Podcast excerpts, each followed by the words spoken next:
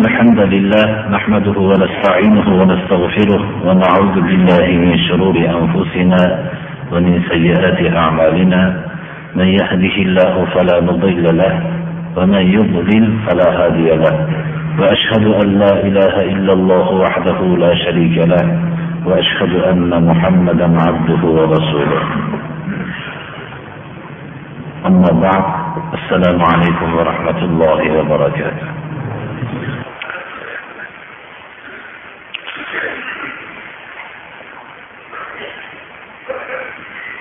Alloh subhanahu va taolo o'zining bandalarini o'zini kalomida yod qildi. Va ularning ba'zi bir sifatlarini zikr qildi.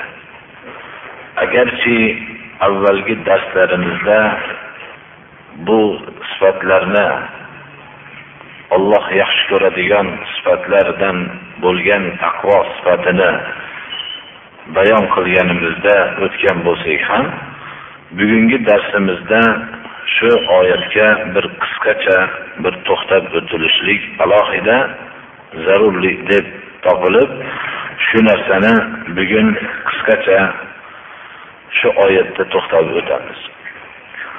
Alloh subhanahu va taolo sura furqonni oxirida وعباد الرحمن الذين يمشون على الأرض هونا وإذا خاطبهم الجاهلون قالوا سلاما oyatidan boshlanib suraning oxirigacha o'zining haqiqiy bandalarini ba'zi bir sifatlarini zikr qilib o'tdi birinchi oyat hozirgi tilovat qilingan oyat rahmon taoloning bandalari ularning sifatlari yerda ohista vazmin yurishadilar ibn kasir shu tafsirni shu oyatni tafsirida وليس المراد أنهم يمشون كالمرضى تصنعا ورياء فقد كان سيد ولد آدم صلى الله عليه وسلم إذا مشى كأنما ينحط من صدب وكأنما الأرض تطوى له ohista vazmin yurishadilar ya'ni havnan kalimasini tafsirida ibn kasir aytgan ekanlarki bundan maqsad ollohni bandalari kasal kishilarga o'xshagan ya'ni soxta yo riyo bilan yurishmaydilar Ya'ni kasalmand odamlarga o'xshagan ya'ni egilib xor sifatda yurishadi deganini emas degan ekanlar. Odam farzandining sayyidi rasululloh sollallohu alayhi vasallam yurganlarida xuddi bir balandlikdan tushib kelayotgan odamdek salobat bilan qadam tashlab yurardilar. Ya'ni yuqoridan tepalikdan pastga tushayotgan kishini yurishini yo o'zingizni tushayotgan vaqtingizdagi yurishingizni bir ko'z oldingizga keltirsangiz qadamni salobat bilan tashlanayotganligi va shu bilan o'zini tik turib yurayotganlik ko'zga tashlanadi. Xuddi yer deydilar mana hadis shariflarda rasululloh sollallohu alayhi vasallamning shamoillarida bor yer u kishiga xuddi qisqarib o'ralib berayotgandek yurardilar. Ya'ni salobat bilan ohista vazmin qadam tashlab yurardilar. O'zlarini ko'rinishlarida payg'ambarimiz sollallohu alayhi vasallam yurayotganlarida sekin yurganga o'xshagan bilan deydilar ashoblar rivoyatida hech qaysimiz u kishiga yetib yurolmasdik deydilar. Demak bu yerdagi havn kalimasida sakina vaqor vazminlik orom ohistalik borligiga dalolat qiladi. Hatto ohista yurishlik insonni eng afzal ibodati alloh subhanahu va taologa qiladigan ibodatlarning afzali namozga kelishlikda ham shunday bo'lmoqligi kerak ekan. Rasululloh sollallohu alayhi vasallam aytdilarki إذا أتيتم الصلاة فلا تأتوها وأنتم تسعون وأتوها وعليكم السكينة والوقار. وعليكم السكينة والوقار. فما أدركتم منها فصلوا وما فاتكم فأتموا. متفق عليه. namozga keladigan bo'lsanglar chopib yugurib kelgan holatda kelmanglar orom vazminlik bilan namozga kelinglar namozdan topganinglarni o'qinglar tavut bo'lganini imomga qo'shilib o'qiganinglardan keyin turib qaytarib o'qib olaveringlar hatto abdulloh ibn muborak vallohu alam استعيذ بالله يا أيها الذين آمنوا إذا نودي للصلاة من يوم الجمعة فاسعوا إلى ذكر الله وذروا البيع Zalikum in kuntum ta'lamun. Juma namoziga nido qilingan vaqtda fas'au kalimasi ya'ni sa'y kalimasi o'zi lug'aviy ma'nosida chopish tushuniladi. Lekin Abdulloh ibn Muborak shu oyatni tafsirida aytgan ekanlarki, fasavdan murod sakina orom bilan qadam tashlab borishlik degan ekanlar. Shu fas'au kalimasida ham orom bilan yurishlik. Chunki alloh subhanahu va taoloning mana bu kalomida ollohning bandalarini sifatida vaqor vazminlik bilan yurishligini alohida ta'kidlayapti bu faqat bir yurish degan ma'noda faqat yurishlikni o'zigagina tushunib qolmasligimiz kerak. Albatta yurish bu ham hozirgi oyatning ma'nolarini ba'zisidir hayotdagi insonning yo'nalishi ham vaqor vazminlik bilan bo'lishi kerak. Bugun bir narsani qattiq unga mehr qo'ygan bo'lib ertaga bu narsadan butun ko'ngli sovutadigan bo'lib bugun ifrot ertaga tafrit. Ya'ni bugun haddan tashqari yuqori bosqichda er, ertasiga bo'lsa haddan tashqari past bosqichda topiladigan holatda yurmaslik kerak. Bu ham alloh subhanahu va taoloning bandalarini hayotdagi yurishlariga ziddir. Ali ibn abi tolibdan vorid bo'lgan mana hadis sharif hammamizga ma'lumki ahbib habibaka havnamma asa yakuna baghidaka yawman ma. Va abghid ما عسى أن يكون habibaka يوما ما. Birovni yaxshi ko'rsang ohista shoshmasdan yaxshi ko'rgin. Mumkin ertaga u senga dushmanlikka aylanib qolishligi mumkin. Darrov buni yaxshi ko'rishlik sifatini sen bugun butunlay bir odamdan ta'sirlanib yaxshi ulug' zot deb e'tiqod qo'yib yuborsang ertasiga senga dushman bo'lsa hamma siringni bayon qilganingdan keyin dushmanlik katta bo'ladi. Birovni yomon ko'rsang ham uni yerga kirgizib tashlaydigan darajada yomon ko'rmagin. Ohista vaqor bilan yomon ko'rgin. Shoshmagin uni yomon ko'rishlikda. Agar do'stingga aylanib qolsa unga aytgan dushman deb aytgan so'zlaringda hijolat bo'lib qolasan. Bu bir hayotning juda bir ajoyib mezoni. Hayotda o'ziz har bir kishi o'zining hayotini yo'nalishiga bir qarasa juda ko'p odamlarni yaxshi ko'rib turib maqtaganki osmonga chiqarib qo'yganmiz. Undan keyin bu odamni yomon ko'rgan vaqtimizda yerga kirgizib yuborganmiz. Xuddi buni aksi ham shunaqa. Shuning uchun bu bir hayotdagi bir ajib bir o'lchov bu. Mana bu oyatning ma'nosi ham shunga keladi. Bir odam aytishligi mumkinki ollohning bandalarini sifatida birinchi shu yurishdan boshlanyapti deb bir sodda tushunib qolinishligi mumkin. Luqmonul hakimning o'zini farzandiga nasihat qilgan nasihatlarni ichida farzandlariga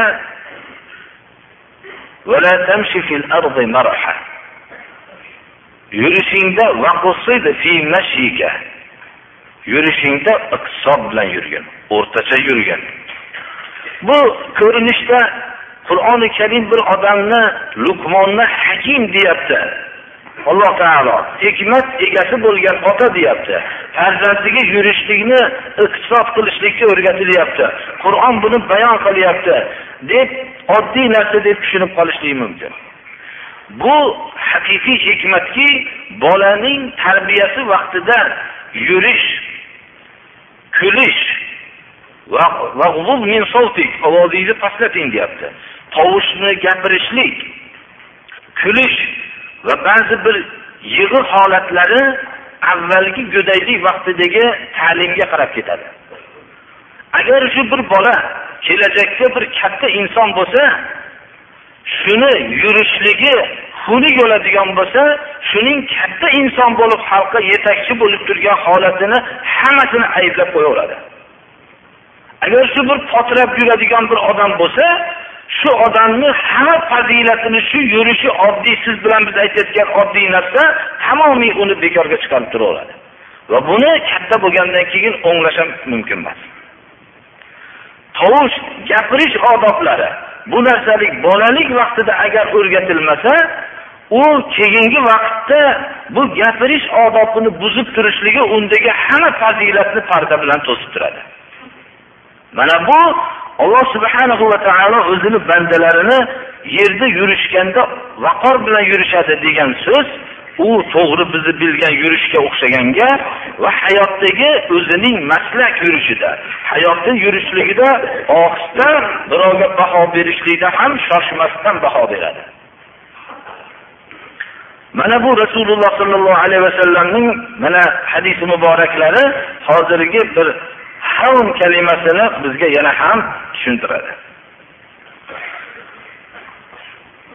Shu bilan birga yurishlikda kibr belgilari bo'lmasligi kerak. Va shu bilan birga kasallikka o'xshagan zaiflik belgisi bo'lmasligi kerak. Al mu'minul qaviyyu khayrun minal mu'minid zaif va fi kilayhima khayr quvvatlik mo'min zaif mo'mindan yaxshiroqdir. Lekin ikkovida ham iymon sifati bo'lganligi uchun yaxshilik bor. Ammo quvvatlik jur'at vaqor bo'lishligi bu narsa u mo'mindagi sifatlarning yaxshi sifatlaridan bittasidir.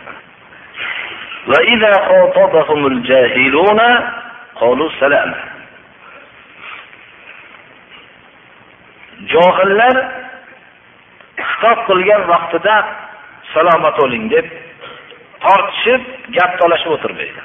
Ollohning bandalarini sifati bu agar hayotingizda johil odam bilan tortishishlikni bir g'oya qiling.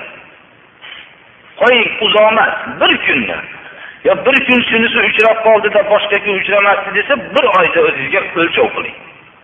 Shu bir oydagi o'tgan johillar bilan ko'chada ketayotganda ham birovdan bir johil jahlda eshitsangiz shuni eshigiga borib turib munozara qilib oxiriga yetkazaman deng.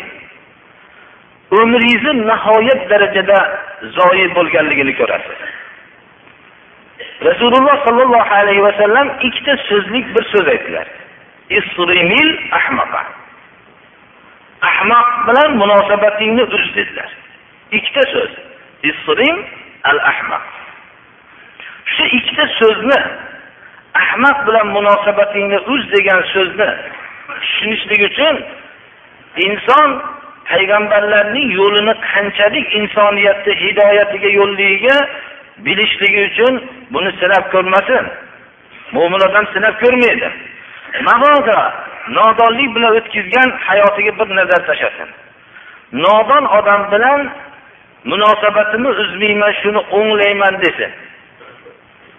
Va qirq yil shu bilan o'nglayman deb harakat qilsin oxiri e bu bilan munosabatni uzish kerak ekan degan xulosadan chiqadi. Shu ikkita so'zni ikkita so'zning natijasini oladi. Johillar bilan xitoblashishlik gaplashishlikda mot qilib qo'yaman deb harakat qilib ko'rsin. Motam qilsin uni. Shunday bir mulzam qilib shunday hayotini shunday qilgan bo'lsa ham hech qanday bir foyda hosil bo'lmaganligini ko'rasiz. Mana bu alloh subhanahu va taoloning bizga o'zini bandalarini maqtayaptiki johillar xitob qilgan vaqtda salomat bo'linglar deb tortishib o'tirmaydi. Aslida o'zi qattiq jazo ham shu bo'ladi. Rasululloh sollallohu alayhi vasallamdan nomon ibn muqarrin rivoyat qiladilarki imom ahmad musnatlarda keltirganlar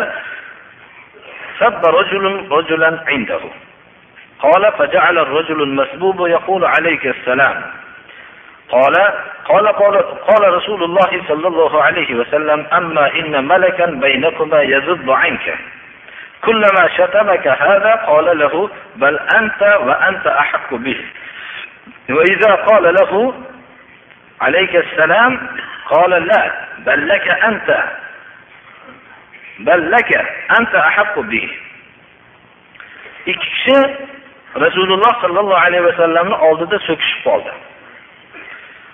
So'kilgan odam alaykassalom salomat bo'lgin deb shunday deb turdi. Rasululloh sollallohu alayhi vasallam aytdilarki o'rtanglarda bir farishta seni himoya qilib turibdi deb so'kilgan odamga aytdilar. Seni bu so'kib turgan vaqtida balki sen bu so'kishlikka so'kilinishlikka haqli odamsan deb farishta seni himoya qilib turdi. Sen alaykassalom deb turganingda e salomatlik senga bo'lsin unga bo'lmasin deb shunday deb turdi dedilar rasululloh sollallohu alayhi vasallam. Hasan basriy bu oyatni tafsirida la yajhaluna ala ahad va in juhila alayhim halumu. Birovlarga jaholat qilishmaydi agar ularga jaholat qilinsa halimlik qilishadi. Bundan maqsad shuki juda ko'p inson o'zini g'azabini olloh uchun qilayotganligini davo qiladi. Men olloh uchun shuncha g'azab qilaman deydi. Lekin bu gapini hammasi to'g'ri bo'lmaydi birodarlar. Olloh uchun g'azab qilgan odamni g'azabi shunday bo'ladiki shariat poymol qilinayotgan vaqtida uning g'azabi keladi. Mast qiluvchi ichimliklar ichilayotganda g'azabi kelganmi? Bir tekshirib ko'rsin. Fohishabozliklarni eshitib ko'rib turgan vaqtida g'azablanganmi? Buni ko'rsin. Shariatni buyruqlari poymol qilinayotgan o'rinlarda g'azabi kelganmi? Buni ham tekshirib ko'rsin. Mana bu joylar g'azab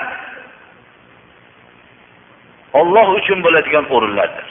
Lekin ko'proq birov bilan jaholatlashilgan vaqtdagi ko'p vaqtdagi holatni tekshirilsa, inson o'zi insof qilib tan olsa, shaxsiy o'chini olayotgan bo'ladi.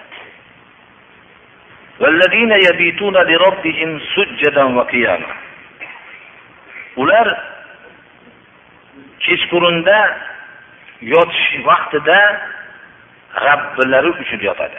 Ya'ni alloh subhanahu va taologa sajda qilib qiyomda turib bedor bo'lishlikni niyat qilib yotishadilar. Va haqiqatda ham sajdayu qiyom bedor bo'lishadilar.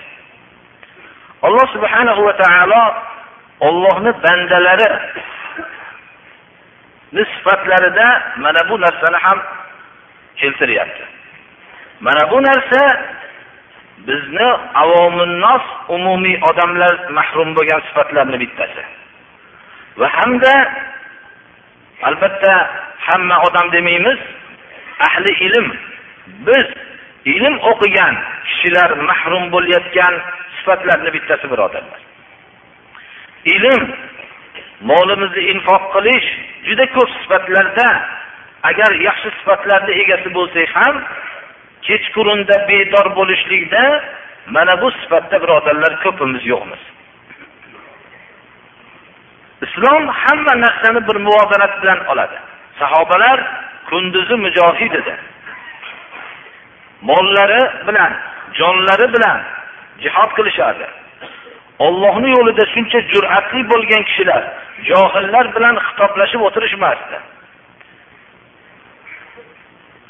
va shu bilan birga kechqurunda bedor edilar kechqurunda agar ta'bir joiz bo'lsa ruhbon edilar obid edilar bu haqda avvalgi darslarimizdagi so'zlar o'zi yetarli bo'ladi rasululloh sollallohu alayhi vasallam bu amalda peshvo edilar hamma amalda peshvo bo'lganlarga o'xshagan والذين يقولون ربنا اصرف عنا عذاب جهنم إن عذابها كان غراما shuncha amallari hammasi rasululloh sollallohu alayhi vasallamning buyruqlariga barobar bo'lishligi bilan birga bu e, ergashishlik ya'ni shu kishiga ergashishlikka qattiq amal qilishliklari bilan birga qalblarida bir kibr paydo bo'lmasdi. Yana ularning tashvishi aytishardilarki xudoyo bizdan jahannamni azobini burgin deb duo qilishardi chunki jahannamning azobi g'aroma davomiy uzoqdir abadiydir. Yoyinki alamlikdir. Va jahannamning azobi yoyinki qattiqdir. Ularning shuncha amallar bilan bo'lgan tashvishi hali jannatni rohatini ollohdan so'rashlikdan ilgari jahannamning azobidan o'zlarini saqlashlikni so'rashardi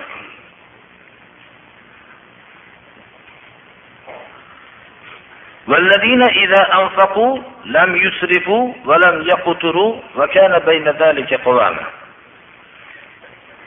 Allohning bandalarini yana bitta sifati mollarni sarf qilishgan vaqtda isrof qilishmasdi va haddidan past ham berishmasdi. Haddidan ortish ortiq ham berishmasdi haddidan past ham berishmasdi. O'rtacha infoq qilishardilar bu yerda ikki narsaga bir diqqat berishimiz kerak.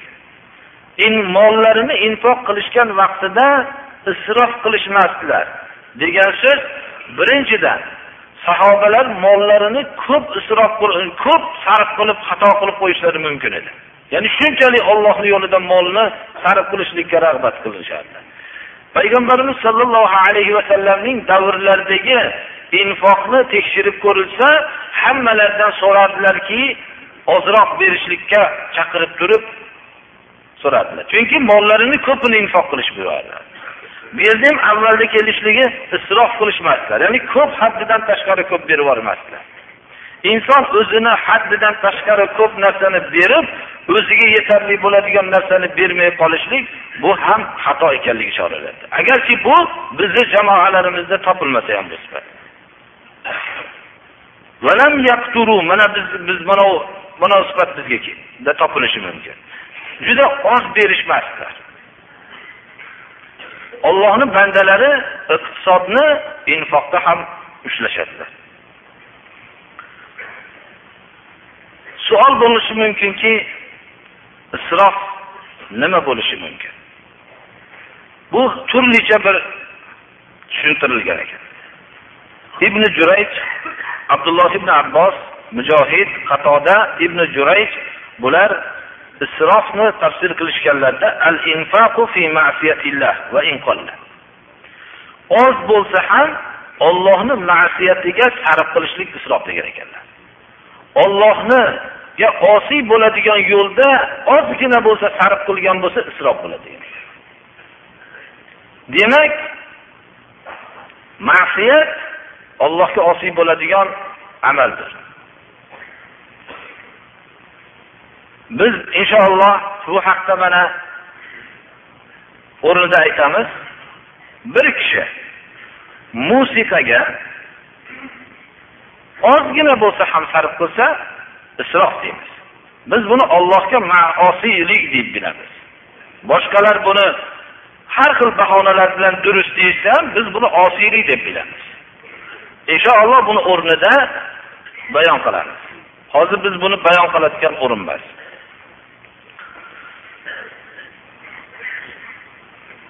iftor nima? Ya'ni baxillik. Baxillik ollohni haqqini man qilishlik baxillik. Birodarlar mana bu sifat bizda ko'pimizda bo'lib qolganga o'xshaydi. Ota ona haqdor. Qarindoshlar haqdor. Olloh buyurgan haqdorlar. Mana bulardan haqqini bermaslik iqtor birodarlar bu. Ollohni bandalarini o'rni safidan tushib qolamiz bu bilan. Bizda mana bu narsalar agarchi namoz o'qisak ham ro'za tutsak ham topilishligini siri biz moddiy falsafada o'sdik birodarlar. Va shu bilan birga ishlagan tishlaydi ishlamagan tishlamaydi degan botil falsafani o'sdik birodarlar. Shuning uchun ota onalarga ham shu so'zni tadbiq qilindi birodarlar. Mana bu hozirgi vaqtda xor bo'lib turgan ota onalar mana bu achchiq falsafaning mevasidir. Mana bu falsafaning achchiq mevasi bu. Bunga atlas chiqmaydi birodarlar. Bu falsafaga albatta ana shu bo'sh chiqadi. Shuning uchun bizda mana bu sifatda haddidan tashqari isrof qilish nima deganda biz shuni tushunaylikki ollohga osiy bo'ladigan yo'lga sarf qilish agarchi ozgina bo'lsa ham isrofdir. Agar ollohni haqqini man qilishlik agarchi bu ozgina bo'lsa ham baxillikdir. Ollohni haqqimi olloh buyurgan huquqlarmi biz shuni man qilgan bo'lsak baxillik deymiz umar ibn hattobning so'zlarini ham isrof haqidagi so'zni ham keltiramiz. Mumkin bunga ham amal qiladigan odamlar chiqib qolsa.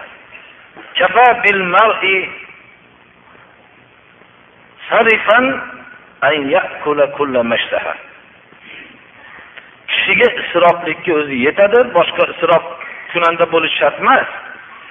Xohlagan narsasini yeyaverishlik ishtaho qilib yegisi kelgan narsani doim istab yeyishligi o'zi isrofga shu yetadi degan ekan.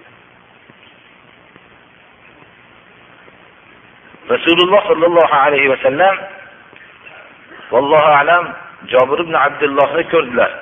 Qayerga ketyapsiz dedilar?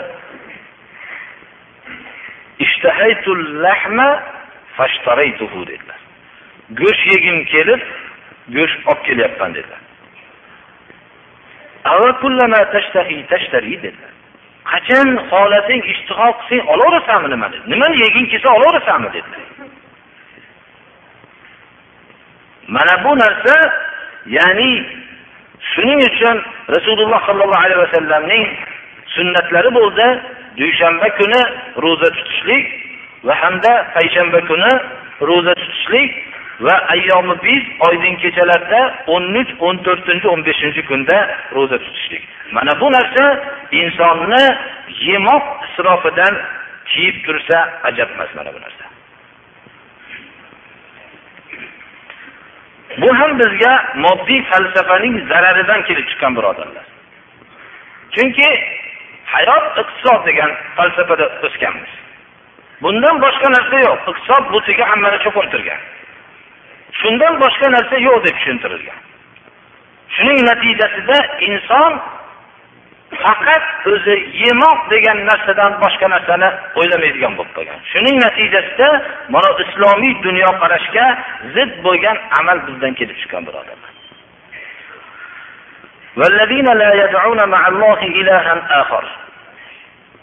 Olloh bilan boshqa ma'budga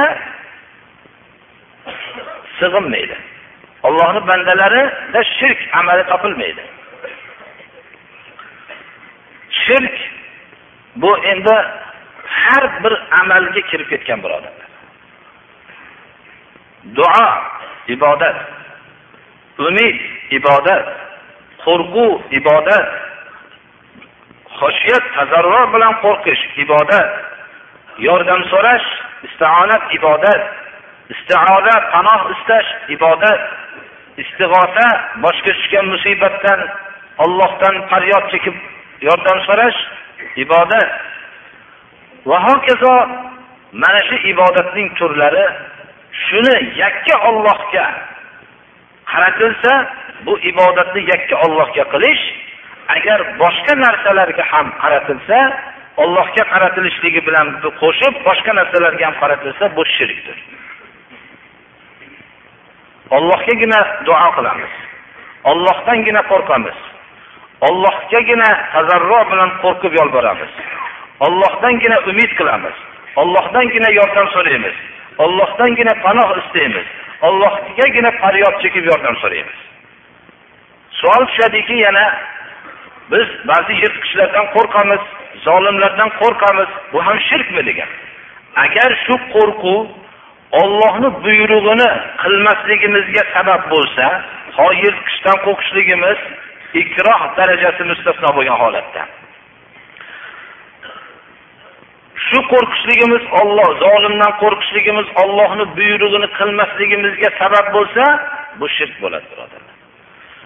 Biror bir martabalik odamdan umidvor bo'lishligimiz ollohni buyrug'ini qilmasligimizga sabab bo'lsa bu shirk bo'ladi birodarlar.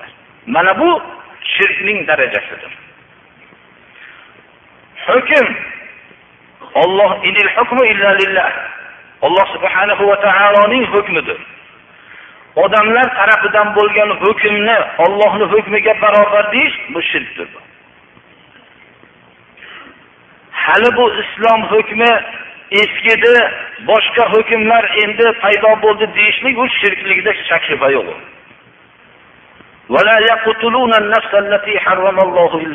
Shu yerda yana bir to'xtalib o'tishimiz kerak. Nazr qilish ibodat. Ollohni o'ziga nazr qilsak ibodatni allohga qilgan bo'lamiz. Zabah so'yishlik hayvonni bir so'yishlik qurbat hosil qilishlik uchun ibodat. Agar buni ollohni o'ziga atab so'ysak ibodatni allohga qilgan bo'lamiz. Boshqa narsaga qo'shsak shirk bo'ladi nima bo'lishligidan qat'iy nazar? Ollohni bandalarini sifati olloh harom qilgan jonni o'ldirishmaydi. Odam o'ldirish sifati topilmaydi. Magar haq bilan qisos bilan va islom bilan kufr qarshi jang qilayotgan vaqtda bundagi qatl haqdir bu. Qisosan bir kishini bir kishi o'ldirgan bo'lsa uni jazosi qatldir bu haq o'ldirishlikdir. Nohaq odam o'ldirmaydi. Zino qilishmaydi. Zino bu odamni qatl qilishlik o'rtasida keladi. Mana hozirgi vaqtdagi odamlar buni yaxshi tushunishdilar. Bu moddiy falsafa zinoni chiroyli qilib ko'rsatgan edi va chiroyli qilib ko'rsatmoqda. Bu zino bizni islomda odamni nohaq o'ldirishlik bilan yonma yon zikr qilingan. Zinoni chiroyli qilib ko'rsatishlik ayol tarafidan buni xohlagandan keyin hech qanday bunga jazo yo'q qilib ko'rsatilgan. Lekin buni islomda eng qattiq jazoni shunga tayin qilingan. Hatto qisosdagi holatdan ham qattiqroq bir jazo bilan jazolanadi. Qisosda bir kishini o'ldirgan bo'lsa uni o'ldiriladi. Zino bilan turmush qilgan odam zino gunohi bilan qo'lga tushishligi bilan bu yo o'zi iqror bo'lishi yo to'rtta guvoh bilan isbotlangandan keyin uni toshbo'ron qilib o'ldiriladi. Har bir harom bilan lazzatlangan badanini tosh bilan urib uni o'lguncha uriladi va buni fatvo bergan kishi birinchi marta toshni ot beradi shunda iymonning komilligi qalbida unga rahmi kelmagan holatda urolashligi kerak alloh subhanahu va taolo ولا تأخذكم بهما رأفة في دين الله إن كنتم تؤمنون بالله واليوم الآخر sizlarni ollohni dinida ollohni hukmini ijro bo'layotganda qalbinglarda mehr olib qolmasin deyapti. Qatl yonida zikr qilishligini shunisini ham aytib o'tamizki zinodan vujudga kelgan bola bir umr o'zining otasini bilmay yurishlikdan qattiq halokat birodarlar dunyoda inson aqli kirgan vaqtida otasini kimligini bilmasdan yashashlikdan og'ir hayot yo'q birodarlar agar bu bu jazo odamni o'limidan ham qattiq bo'ladi. Bu insonni zino bilan shug'ullangan odam insonni vujudga kelmasdan turib uni o'ldirgan bo'ladi. U butun umri bo'yi otasini bilmasdan yashashlik. Bundan keyingi avlodiga ham o'zining ajdodini kimligini aytib berolmasdan yashashlikdan og'ir narsa yo'q birodarlar shuning uchun bizni islomda bu gunohni jazosini ham qattiq qildi. Chunki u eng qattiq jinoyatchidir. Va shu bilan birga bu odamni nohaq o'ldirishlik yonida doim zikr qilindi. Hali buning zararlarini biz boshqalar gapirib o'tirgan zararlarni gapirishga biz muhtoj emasmiz alloh subhanahu va taolo ولا تقربوا الزنا إنه كان فاحشة ومقتا وساء سبيلا dedi mana shu bizga aytadi robbimiz aytyaptiki zinoga yaqin bormanglar deyapti ya'ni buning sabablariga yaqin bormanglar u bir yomon bir yo'lki juda bir yomon yo'l buzuq yo'l deb bizga yomon yo'lligini bayon qilyaptiki mana dunyo uni yomon yo'lligini bilguncha bir ming to'rt yuz yil vaqt o'tkazib qo'ydi. Yomon yo'lni qurgandan keyin yomon yo'lni bilishlikni bizga keragi yo'q. Bizni rabbimiz yomon yo'lni hali vujudga kelmasdan aytib bizga bayon qilib qo'ydi. يلقى أثاما. يضاعف له العذاب يوم القيامة ويخلد فيه مهانا إلا من تاب وآمن وعمل عملا صالحا. فأولئك يبدل الله سيئاتهم حسنات وكان الله غفورا رحيما. kim shu gunohlarni qilsa yuqorida aytilingan gunohlarni qilsa yalqa afama ya'ni afam shunga ro'baro bo'ladi. Abdulloh ibn abbos jazoga tafsir qilgan ekanlar. Ya'ni qattiq bir jazoga ro'baro bo'ladi. Mujohid va ikrima roziyallohu anhu tafsir qilgan ekanlarki jahannamdagi bir vodiy degan ekanlar. Shu gunohni qilgan odam jahannamdagi shu vodiyga ro'baro bo'ladi ibn qutayba tafsir qilgan ekanlarki uqubat bu. Qattiq bir azobga duchor bo'ladi.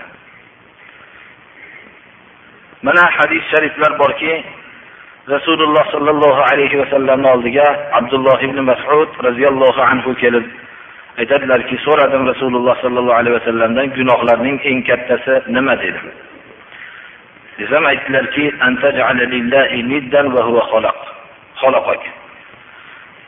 ollohga sharik qilishliging eng katta gunoh dedilar. Olloh seni yaratgan bo'lsa sen boshqa yaratmagan qora pasha ham yaratolmaydigan narsalarni Allohga sharik qilib ko'rsang. Bir odam hurmatli odamga biror bir e'tiborsiz odamlar oldida e'tiborsiz aqli bir bo'lmagan bir odamni shu bilan teng qilib ko'rsangiz meni sen shunga teng qildingmi deb umrbod siz bilan jang qiladi mumkin u odam o'zi baland turundan o'zi aslida ollohni huzurida lekin olloh subhanahu va taologa go'ng tutadigan pashani ham yaratolmaydigan narsalarni sharik qilsangiz bu nihoyat darajada katta gunohdir bu. Keyin qaysi dedim? Bolangni sen o'zi bilan o'zing bilan ovqatlanishligidan qo'rqib kambag'al bo'lib qolaman deb o'ldirishliging. Hozirgi o'ldirishlar birodarlar bundan qolishmaydi hozirgi. Zino bilan vujudga kelgan bolalarni tashlab ketishlik bu men bilan birga ovqatlanmasin deb o'ldirib ketyapti nima uchun? Inson bu iborani eshitganda nahotki inson ham men bilan birga farzandim ovqatlanib qolmasin deb o'ldirib ketadimi deydi. Ha bu o'ldirishlar nima uchun o'ldirishadi meni martabamni olib qolmasin deb o'ldiryaptimi? Unaqa emas. Yoyinki biror bir bu qaysi sabab bilan o'ldirayotganligini aytib berolmaydi hech kim magar o'zi bilan birga ovqatlanib moli davlatiga sherik bo'lib mendan tekindan ovqat yeb yurmasin deb o'ldiradi xolos. Ilgari bolalarini shunday qilib ketgan bo'lsa endi bular taraqqiy topib madaniylashib ketib ota onalarni ham shunday qilishib qo'ya qoldi. Ular biz bilan ovqatlanmasin deb ularni ham javob berib bir chekkaga olib borishib qo'ydi.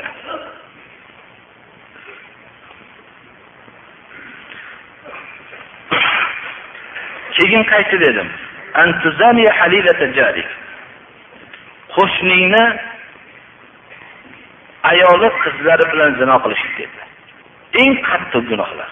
Bu zino o'zi eng katta gunoh lekin o'zining yaqin qarindoshlari hamkasaba bo'lib turgan qo'shnisi va o'zining devordan ya'ni mahalladagi qo'shnisi bularniga nisbatan ayollariga qizlariga nisbatan ko'zini qing'ir qaratib xiyonat qilishligida katta gunoh yo'q birodarlar.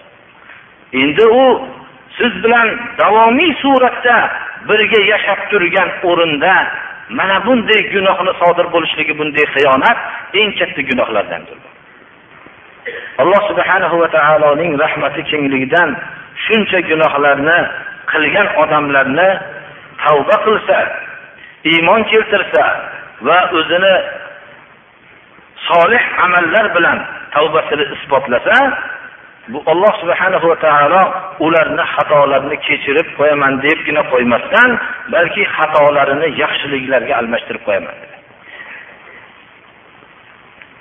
olloh shunday kechiruvchi va hamda xatolarini yaxshilikka almashtirib qo'yuvchi rahmdil zotdir.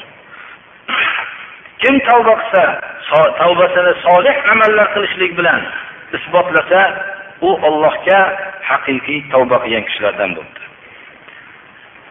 Mana bu hadis sharifni shu yerda o'qishlikni munosib deb bilaman. Imom muslim abu zarru zuforiy roziyallohu anhudan rivoyat qilingan.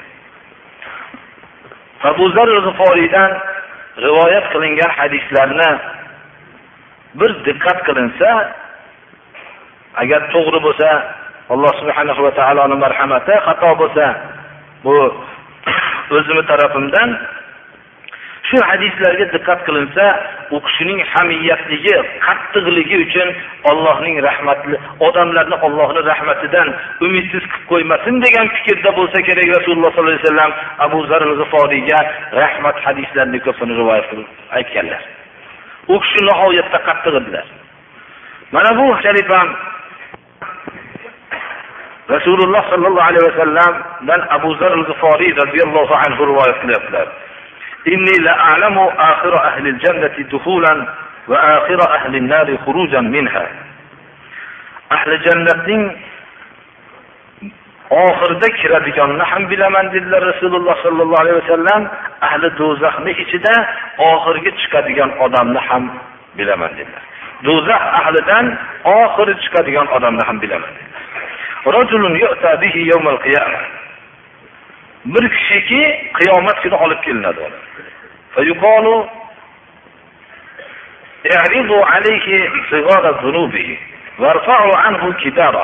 kichkina gunohlarni uni ro'barosiga olib kelib katta gunohlarni undan ko'taringlar ko'rsatmanglar deydi alloh taolo.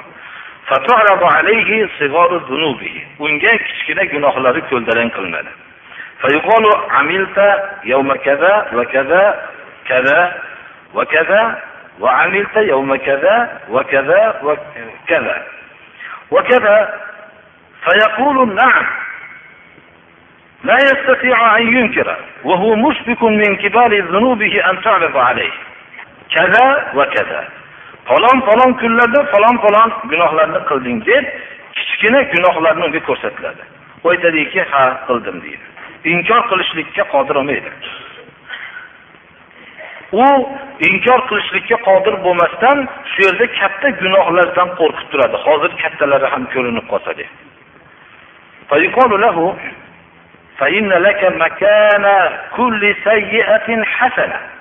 har bir xatoyingga bitta hasanot deyiladi. Mana xatolarini yaxshilikka almashtirib qo'yadi qattiq tavba qilib o'zini o'nglaganlarni degan hadis oyatni shu hadis sharif bizga izohlab beryapti. Men shunday ishlar qilgan edim buni ko'rmayapman bu ishlarni deydi. Katta gunohlarni qilgan edim ko'rmayapman deydi.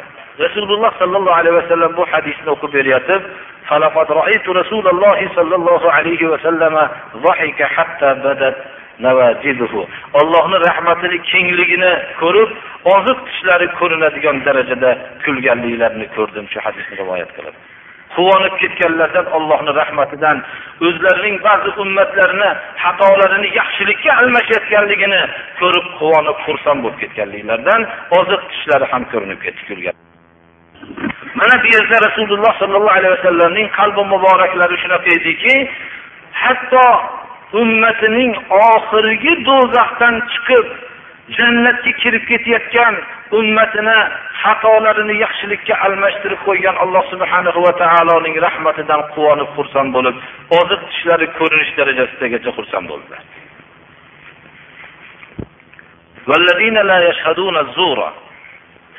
Zur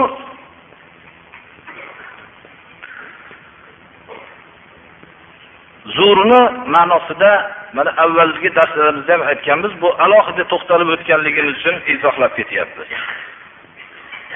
ko'p so'zlar bor. Bittasi g'ino musiqa birodarlar. Shirk shariatga ya'ni zid bo'ladigan o'yinlar kizib yolg'on. Alloh subhanahu va taolo bu yerda yolg'on bo'lgan o'ringa hozir bo'lmaydi.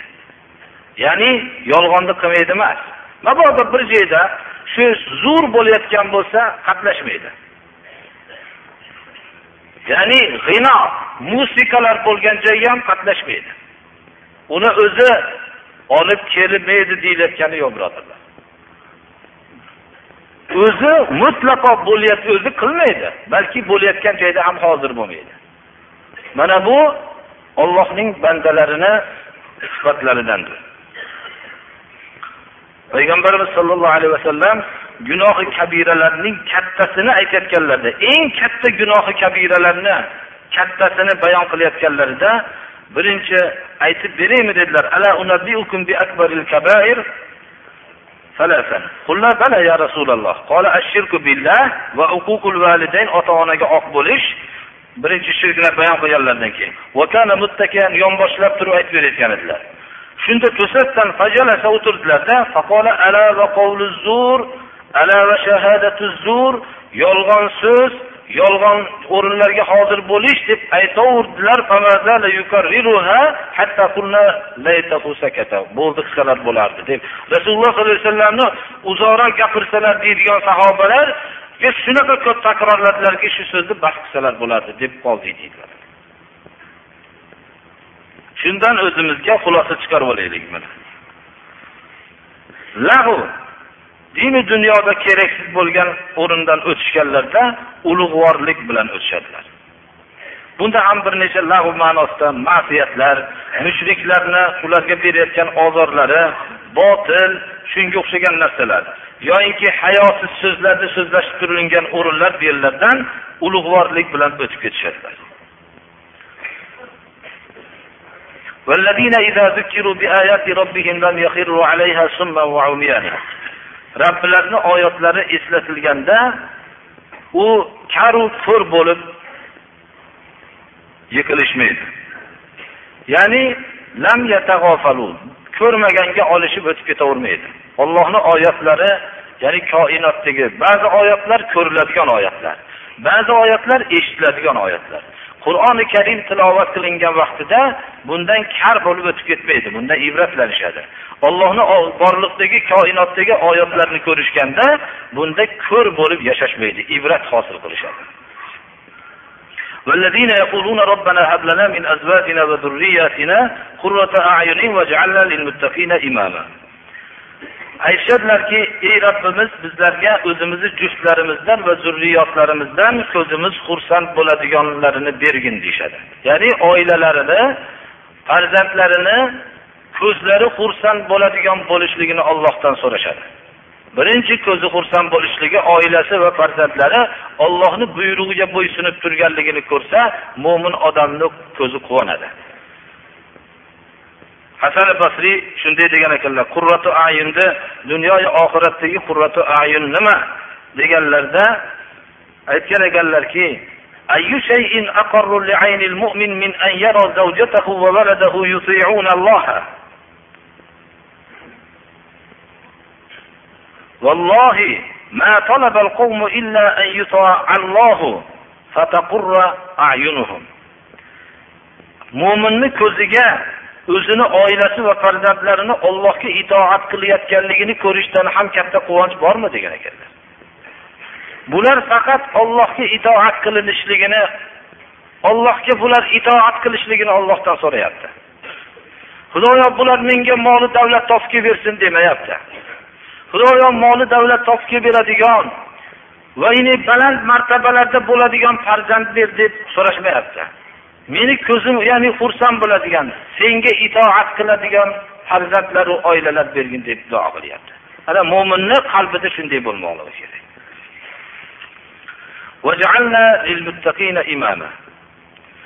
Inson birinchi mana muttaqillarga bizlarni imom qilgan. Bu yerda ba'zilar mujohid bu ma'no maqlub ma'nosida ham deyishgan ekanlar. Ya'ni bizlarniga muttaqillarni imom qilgin deganlari. Yoyinki bu o'zini zohiriy ma'nosi muttaqillarga bizlarni imom qilgan. Nima degani? Qiyomat kuni hamma odamlarni biz imomlari bilan chaqiramiz. Imom kim? Uyda kishi imom. Biz bilmaymiz hozir uchinchi to'rtinchi ajdodimiz kimligini ko'pimiz bilmaymiz birodarlar. Qiyomat kuni ajdodlar bittasi tursa imom bo'lib tursa mahsharga hamma hisob kitobga hamma haydalganda hamma imom bilan keladi. Bizdan keyin qancha zurriyot bo'ladi olloh biladi. Bizdan keyingilarga biz imommiz birodarlar. Endi duo qilishadilarki xudoyo bizlarni muttaqillarni yetalab hisobga boradigan kishilarni qilgin ana biz endi falonchi turing yoningizdan desa tursak orqamizdan bizdan bo'lgan zurriyotni qarasangiz birov dinga qarshi kurashgan birov masjid buzgan birov bittasi butun ollohni yo'lida xizmat qilganni mahbus qilib qolmagan birov bo'lsa dinni yo'lida xizmat qilganni qatl qilgan mana bunday odamlar tursa bu juda og'ir holat bo'ladi birodarlar. Dunyoga kelib nasl topib o'zining nasli tamomiy ollohni yo'li bilan kurashgan odamlarni ichida qolsa bu juda ham bir og'ir musibat bo'ladi. Albatta ko'rmagan bo'lsa hayotida o'zi da'vat qilib o'tib ketgan bo'lsa bu hech qanday javobgar emas. Lekin shuni tashvishi kelajak avlodining tashvishi unda doim bo'ladi. Xudoyo muttaqin o'zingdan qo'rqqanlarga meni imom qilgin deydi. Ana u orqasida taqvo sifatiga ega bo'lgan kishilarning peshvosi bo'lib tursa u endi nihoyat darajada bir quvonadi. Mo'min odamning qalbida kelajak zurriyotining muttaqillardan bo'lishlik tashvishi bo'lmoqligi kerak birodarlar. Hayotingizda din bilan kurashganligini ko'rib turib man qilmagan bo'lsangiz bunda og'ir bo'ladi birodarlar. Shuning uchun alloh subhanahu va taolodan doim shuni bilishimiz kerakki ikkita millat bor. Kufr va islom millati. Boshqa millat yo'q islomda birodarlar. Undan tashqari yana bitta narsa borki insonning qarindoshi bog'lab turgan qarindoshi aqida. Bizni aqida bog'lab turish kerak. Aqida bilan birlashamiz aqida bilan ajrashamiz. Agar bir aqidada bo'lsa birlashamiz. Agarchi mashriqni cheka mashriq tarafda mag'rib tarafda bo'lsa ham. Aqida bo'lmasa biz bir qorindan tushgan bo'lsak ham biz mana shu haqda turamiz birodarlar. Mana shu bizni nasabimiz aqidamizdir bilmoqligimiz kerak. Chunki ertaga ollohdan qo'rqqanlarning oldida turaylik. Mana bu narsani mo'min odam agarchi o'zidan keyingi millatga javob bermasa ham ko'rmaganiga lekin o'zi hayotidagi javob beradi. Agar da'vat qilmagan bo'lsa. Ajdodlar katta ulamolar bo'lsa birodarlar. Ulamo bo'lib turib farzanddan uzilgan bo'lsa. Nauzubilloh bunda butun ibodat qilmaydigan farzandga tushib qolgan bo'lsa.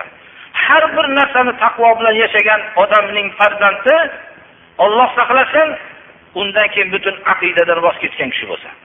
Mana bu narsa juda achinarli holat bo'ladi. Hali eng qattiq holat bizni oldimizda turibdi hali birodarlar. Ollohni bandalarining qalbi shunday ochiq bo'ladi.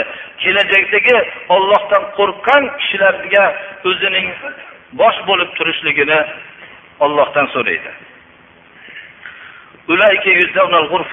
Mana bularga Alloh subhanahu va taolo g'urfa jannat bilan jazolaydi bularni. Sabr qilganliklari uchun yuqoridagi sifatlar sabr bilan vujudga keladi birodarlar. Ko'p mashaqqatlarga chidashlik bilan vujudga keladi. ularga kutib olinadi jannatda ularni salomu tahiyalar bilan fiha biror bir katta odam bir assalomu alaykum deb salom berib qolsa qancha quvonib o'zimizni yo'qotib qo'yamiz bu yerda maloikalar ollohning dargohidan malail a'lodan tahiyyayu salomlar bilan kutib olinadi. Turgan joy jannat bo'lsa bu yerda olloh tarafidan butun maloikalar malail a'lo tarafidan salomu tahiyyalar eshitilib tursa fiha dunyoni har qanday ne'mati ham tugaydi birodarlar. Ammo bu yerda abadiydir. Hasunat mustaqarra va muqoma juda ham yaxshi qarorgoh yaxshi turargoh turadi. Bu narsalar hammasi iymon sifati bilan bo'ladi qul ma ya'ba'u bikum robbi lavla du'aukum faqad kazzabtum fasawfa yakunu lizama Rabbim e'tiborga olmaydi sizlarni deb ayting ey Muhammad alayhissalom agar iymoninglar bo'lmasa. Duo iymon ma'nosida. Sizlar Allohning yo'lini yolg'on dedinglar, bu yolg'on deyishinglar sizlarni dunyoyu oxiratda mahkam ushlaydi bu narsa. Bu Allohning bandalarini sifati birodarlar. Biz bir tarafdangina bo'lib qolmasligimiz kerak. Men shu hozirgi darsimiz munosabati bilan agarki vaqtimiz vaqtimiz bemalol ekan, hozirgi vaqtda bir biz o'zini o'rnida aytamiz degan narsa bilan nima qildik? Islomning g'ino va musiqa haqidagi hukmi. Hozirgi zo'rni bitta tafsiri shu bo'ldi.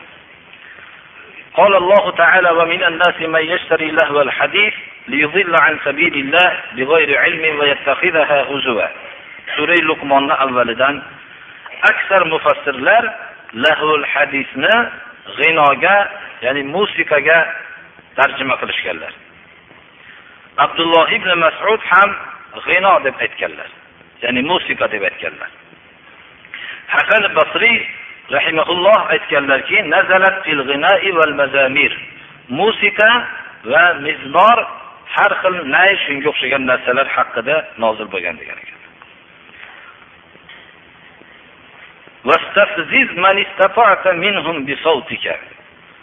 Alloh subhanahu va taolo shaytonga mal'um bo'lgandan keyin qodir bo'lganlaringni o'zingni tovushing bilan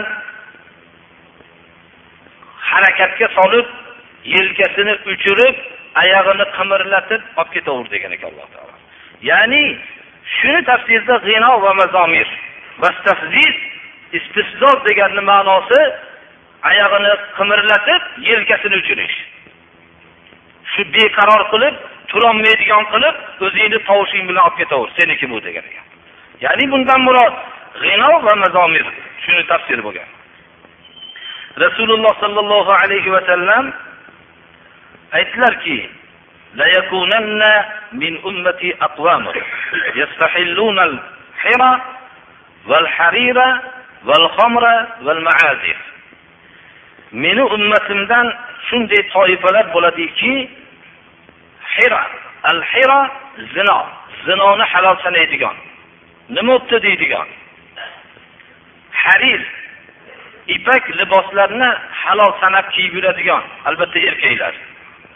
Xamir mast qiluvchi ichimliklarni halol sanaydigan va hamda maazif musiqalarni halol sanaydigan toifalar bo'ladi degan.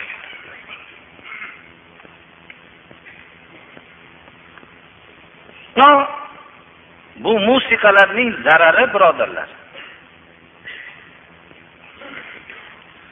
bu mast qiluvchi ichimlikni zararidan kattaroqdir birodarlar.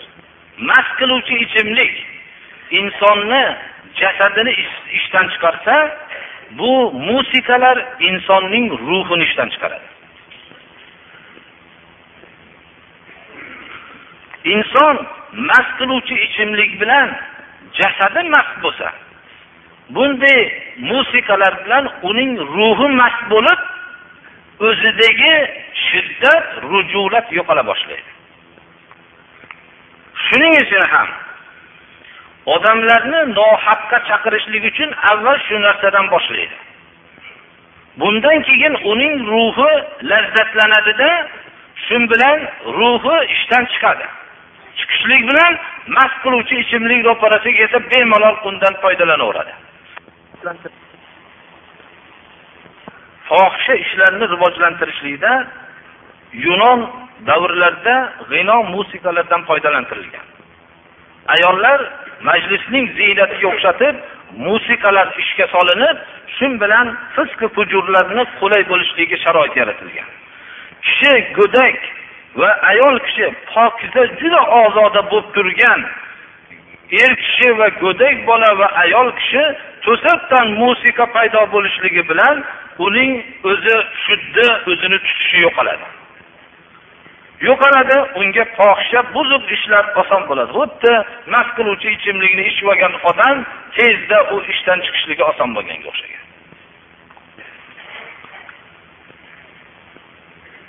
Bunga birodarlar bu san'at bu narsani tushunish boshqa degan narsalar bu insoniyatni oxiri borib turib musiqa shu darajadaga yetkazadiki hatto uxlolmay ham qoladi shu musiqani eshitmasa. Shu darajada bo'lib qoladi. O'zidan o'zi shu narsasiz yashash mumkin emas deb tasavvur qilib qoladi. Bu voqei hayotda ham ko'rinib turgan bizga u aqliy dalillarni hojati yo'q. Magar bir ishora qilib aytib qo'yyapmiz bu oyatni tafsirida abdulloh ibn masudni g'ino deb tafsir qilganligi bizga yetadi. Hasan basriyning g'ino va mazomir deb haqida nozil bo'ldi degan so'z yetadi va rasululloh sollallohu alayhi vasallamning imomi buxoriy rivoyat qilgan hadislarda va abu dovud sunanlarida keltirilgan hadis hozirgi o'qib berilgan hadis bizga yetadi birodar. Qolib shu bilan to'g'ri yo'lga tushib ketadigan darajada bo'lib qolmadik. Umar ibn hattob roziyallohu anhu sad ibn abi vaqqos roziyallohu anhu rahbarligidagi fors viloyatini fath qilishlik uchun jo'natgan lashkarlariga sad ibn abi vaqqosning boshchiligidagi lashkarga xat yo'naltirganlar shu xat bu kishi hammamiz uchun ham zarur bo'lganligi uchun. Ammo ba'd فإني آمرك ومن معك من الأجناد بتقوى الله على كل حال فإن تقوى الله أفضل العدة على العدو وأقوى المكيدة في الحرب hamd sanodan keyin deydilar umar ibn hattob yo'llagan maktublarida ya'ni fors yer kurrasidagi eng kuchli bu hukmdorlik bo'lgan birodarlar ikkita hukmdorlik bittasi rum va fors. Fors hukmdorligi eng katta hukmdorlik bo'ladi.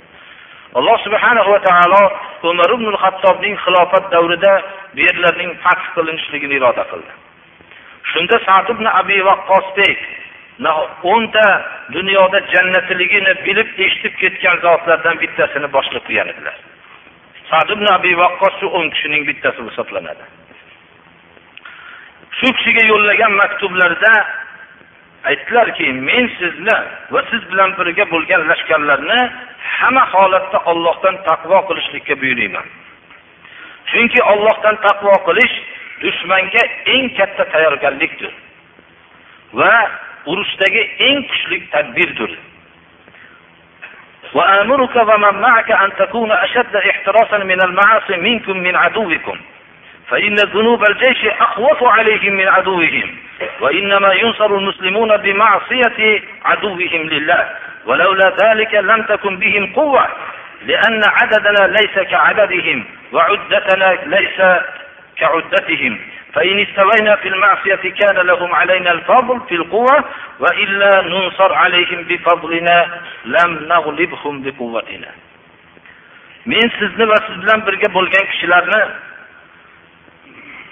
gunohlardan qattiq ehtiyot bo'lishliginglarga qo'rqishliginglarga buyuriyman dushmaninglardan qo'rqishliginglardan ko'ra ko'proq.